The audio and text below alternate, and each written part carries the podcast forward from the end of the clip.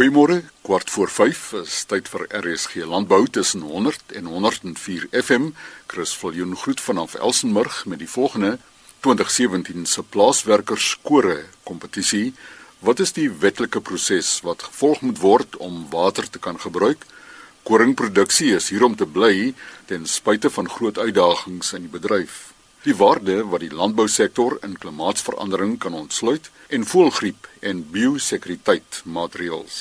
Rita Andreas, woordvoerder van die Nasionale Plaaswerkersforum, vertel van die komende plaaswerkers kore kompetisie. Vanoggend wil ek sommer net van die geleentheid gebruik maak om al die luisteraars wat so getrou elke keer na hierdie program luister, sê baie dankie. Ek het baie positiewe terugvoering en ek waardeer almal se oproepies. Ek wil sommer net vanoggend weer ons mense onthou aan ons plaaswerkers skore kompetisie. Kompetisie is die 14de September en dan het die Nasionale Plaaswerkersforum in samewerking met Breaking Barriers hou ons 'n massiewe sportdag op die 25ste September en ons nooi dan alle plase in die omgewing om te kom deelneem aan netbal en sevens rugby. Jy kan dit bring en vir my die dag net saam met ons te kom geniet. Maar nou eers die belangrikste vir ons is nou die kore kompetisie wat dan die 14de September gaan plaasvind in Wellington stadsaal. Die toegang is gratis. Om nog in te skryf, kan jy ons kontak by 076 790 1066. Rita Andreas is die woordvoerder van die Nasionale Plaaswerkersforum, haar telefoonnommer 076 790 1066 die wetlike proses wat gevolg moet word om water te kan gebruik. Ons verneem by Darryl Daniels, adjunkdirekteur van die Departement Water en Sanitasie. Ons as die Bergolifant waterbeheergebied in die in die Weskaap, dis nou die areas wat insluit die Franshoek, die Metro, stad Kaapstad, sowel as van Rensdorp, sover as die Weskus gedeelte in die in die Weskaap. Wel daar is verifikasie natuurlik 'n proses wat ons deurgaan om dit die bestaande wettige water gebruik te verifieer die afgelope jaar en 'n half wat ons nou tans besig is, het ons baie swak deelname gekry van plaasboere af. En die versoek is nog altyd, die tyd loop uit. As hulle nie deelneem nie, gaan dit baie nadelig wees vir u as 'n watergebruiker. So weer eens doen die departement 'n groot versoek op elke watergebruiker om seker te maak dat jou watergebruik geverifieer is deur hierdie proses. Sommige direk in hardloop in die proses van die droogte wat ons nou tans ondervind in die Weskaap. Die departement het 'n taaksteam wat gelei word deur die departement se hoof in die Weskaap. Ons ontmoet op gereelde basis. Een van die dinge wat ons na kyk is dat watter intervensies ons kan nou tans implementeer om te verhoed dat ons by dag 0 kom. Die grootste probleem wat ons tans ondervind is dat baie mense, sodra dit gereed is, verander hulle verhouding teenoor water. Asseblief, spaar water. Die ander probleem wat ons tans ondervind is dat mense begin boor. Die neem van water word gesien as 'n watergebruik en as jy water neem uit die boor, dit Mense wees net seker dat u nie die waterwet oortree nie. Bel die naaste waterwese kantoor, water en departement watersanitasie kantoor om uit te vind wat is die wetlike proses om te volg om water te kan gebruik. Wees ingelig dat jy mag nie water of 'n boorgat sink in die vloedlyn nie. Jy mag nie boorgat sink 500 meter van 'n uh, 'n uh, vlei land af nie. Jy kan nie net enigiets in 'n rivier stort nie of 'n uh, 'n sandgat in 'n rivier maak nie maak dit seker dat u wel u la u plaaslike water en sanitasie kantoor skakel om uit te vind wat die wetlike proses is voor u deelneem aan 'n proses om water te neem uit 'n boog uit, uit 'n rivier uit, uit 'n vlei land uit of waar ook al. Kers mense is meer as welkom om die departement te skakel by 021 941 6000. Dit is natuurlik die Weskaapse streekkantoor van die departement water en sanitasie en hulle kan vra om met enige persoon te gesels. Darryl Daniels is adjunkt direkteur in die departement water en sanitasie. Navraag aan 021 941 6000. Oor die huidige situasie van koringproduksie in die Wes-Kaap gesels Dr. Ian Hines, koringnavorser van LNR Kleingraan op Stellenbosch. Koring word beskou as een van die belangrikste graangewasse in Suid-Afrika met 'n jaarlikse verbruik van ongeveer 3,2 miljoen ton. Nou 'n totaal van 1,8 miljoen ton word plaaslik geproduseer terwyl daar na verwagting ongeveer 1,4 miljoen ton koring die jaar ingevoer sal moet word om plaaslike verbruik te voorsien. Nou die Weskaap was nog altyd beskou as die broodmandjie van Suid-Afrika en produseer ongeveer 50 tot 60% van alle plaaslike koring. Nou as daar na die toekoms gekyk word, gaan insetkoste van koring beslis nie afneem nie. En die enigste oplossing is dat boere beter opbrengste behaal.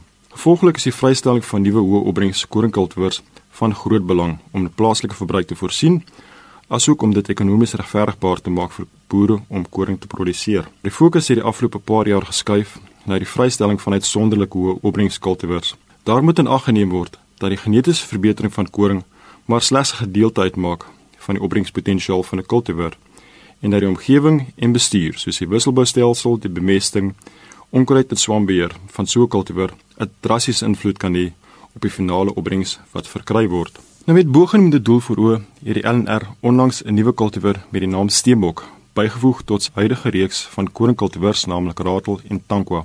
Nou beide Ratel en Steenbok is medium groeiseisoen kultivars en is goed aangepas vir kondisies in die Swartland en Oeverberg.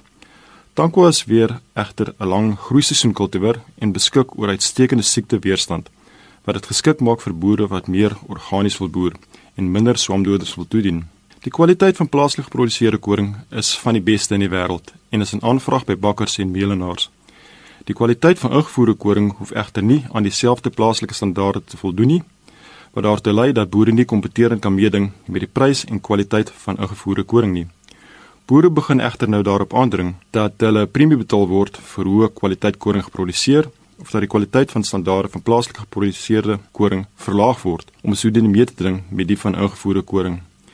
Die verlaging in kwaliteitsstandaarde gaan nie net vir die boere finansiële voordeel inhou nie, maar gaan ook daartoe aanleiding gee dat koringkultivars met hoër opbrengspotensiaal vrygestel kan word, aangesien daar 'n negatiewe korrelasie tussen opbrengs en kwaliteit bestaan. As ek moet kyk na die toekoms van koringproduksie in die Weskaap, koringproduksie in die Weskaap is hier om te bly ten spyte van groot uitdagings in die bedryf. Van die LNR se kant af streef ons daarna om die beste koringkultivars te ontwikkel wat presteer onder 'n wyde verskeidenheid kondisies, selfs droogte. Die LNR is besig om 'n reeks opwindende nuwe koringkultivars te ontwikkel wat 'n drastiese verhoging in opbrengs vir die boer gaan beteken. Van hierdie lyne gaan reeds hierdie jaar aan boere gedemonstreer word in die Swartland en Oeverberg en boere word uitgenooi na LNR boeredae om te kom kyk na hierdie opwindende nuwe reeks van lyne. Luisteraars is welkom om my te kontak 021 809 3554. E-posadres is heinz@arc.agric www.rsg.za. Koringnavorser van LNR Kleingraan, Dr. Ian Heinz, sy e-pos heinz@arc.agric.za. Ons sluit nou aan by die hoofuitvoerende beampte van Agri Weskaap, Karel Opperman. Die Weskaapse landbousektor is 'n swaar gewigspeler in die ekonomie van die provinsie en van die land. En ten spyte van die baie uitdagings wat buite ons beheer is, is landbou in die Wes-Kaap se bruto waarde toevoeging 18.6 miljard per jaar. Tydens Agri Wes-Kaap se jaarkongres wat verlede week aangebied is, het ons spesifiek gefokus oor hoe die landbousektor sy merk kan maak om groter druk op die regering toe te pas op die terreine waar ingryping nodig is en ons veranderings wil sien. Ons was in die bevoordeelde posisie om vir Dr Matthew Poza as hoofspreker te hê. Hy het gefokus op die landbou se rol in die maatskaplike opheffing van die landelike gebiede en het gesê dit is nie noodwendig die rol van die landbouer om maatskaplike behoeftes van plaaswerkers en inwoners in die landelike gebied aan te spreek nie. Hy het gesê die staat het die mandaat en die hulpbronne om ondersteuning te bied wanneer dit by die opheffing van plaaswerkers kom. Hy het egter gesê dit gaan die regering egter 'n lang tyd neem om dieselfde vlakte van dienslewering aan landelike inwoners te bied as wat inwoners in die stede kry. Wat grondhervorming aanbetref, het Dr. Posa gesê die regering besit die meeste grond in die land en dat grondhervorming daar moet begin. Hy het by die verwysing na staatstoelaag gesê in Suid-Afrika moedig geword om geld by die regering te kry sonder om iets daarvoor te doen. Agri Weskaap se erepresident en oud-president van Agri SA, meneer Christe Tooi, het gekyk na die landbou se bydrae tot 'n positiewe uitkoms van die gronddebat. Hy het gesê daar was nog nooit 'n tyd dat so baie mense wat so min van landbou weet, so baie daaroor te sê het nie. Daar's ongelooflik baie voorbeelde van grondhervormingsprojekte wat misluk het, maar dat sulke mislukkings groter druk op boere plaas en ons dus daarom nie daarin moet verlekker nie. Hy het gesê die landbou moet sy merk in onderhandelings maak deur dit duidelik te wys dat landbouers taaf is.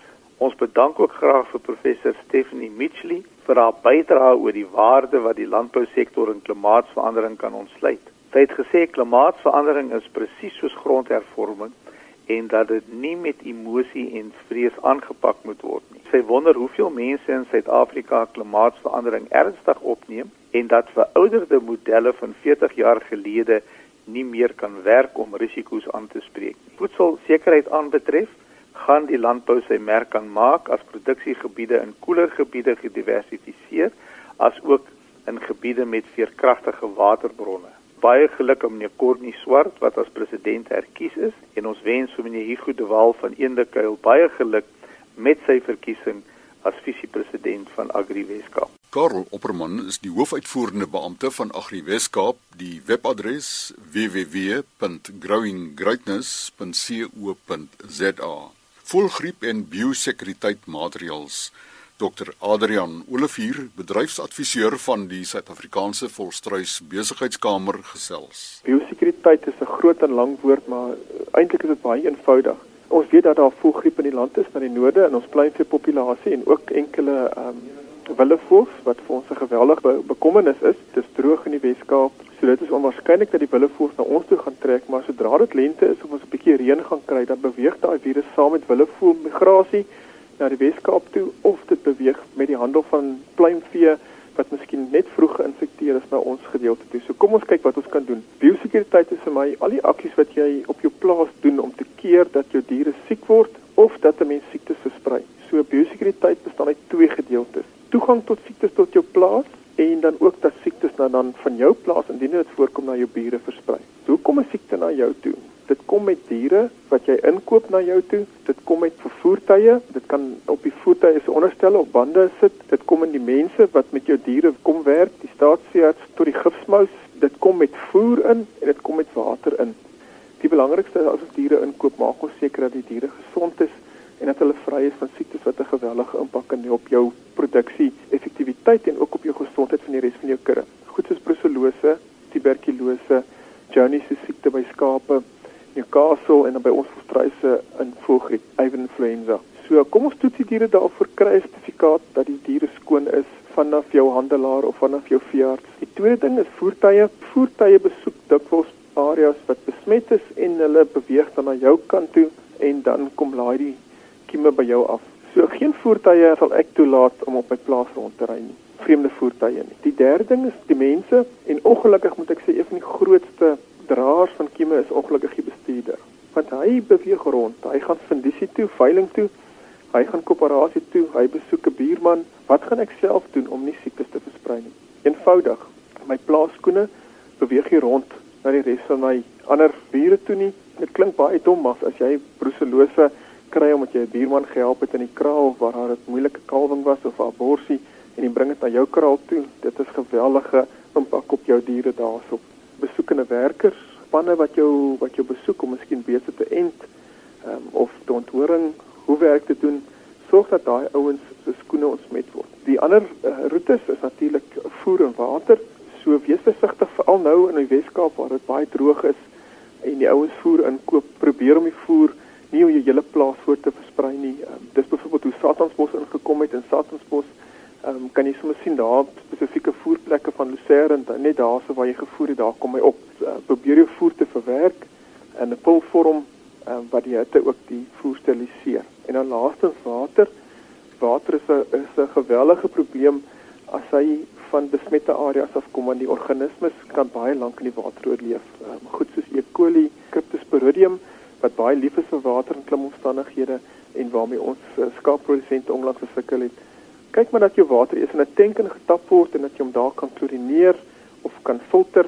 Eers filter natuurlik om die um, stowwerige gedeeltetjies en plantmateriaal uit te haal en dan te ontsmet uh, met 'n uh, effektiewe ontsmettingsmiddel.